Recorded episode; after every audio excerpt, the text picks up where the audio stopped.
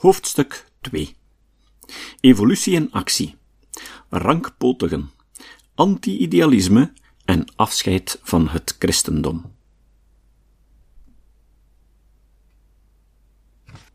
Nog een woord over ontworpen wetten en niet ontworpen resultaten. Ik zie een vogel die ik als voedsel verlang. Neem mijn geweer en dood hem. Ik doe dit ontworpen. Een onschuldig en goed man staat onder een boom en wordt gedood door een bliksemflits. Geloof jij, en ik zou het echt graag weten, dat God die man volgens een ontwerp gedood heeft? Vele of de meeste mensen geloven dit. Ik kan en doe dat niet. Als je dat gelooft, geloof je dan dat, wanneer een zwaluw een mug te pakken krijgt, God het zo ontwierp dat die specifieke zwaluw die bepaalde mug zou grijpen op dat specifieke moment?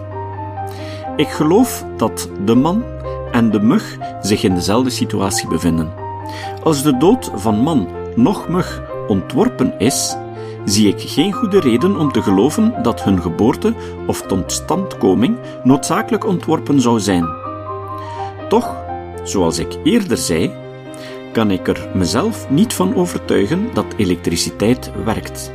De boom groeit en de mens de meest verheven opvattingen nastreeft, slechts door een blinde, brute kracht.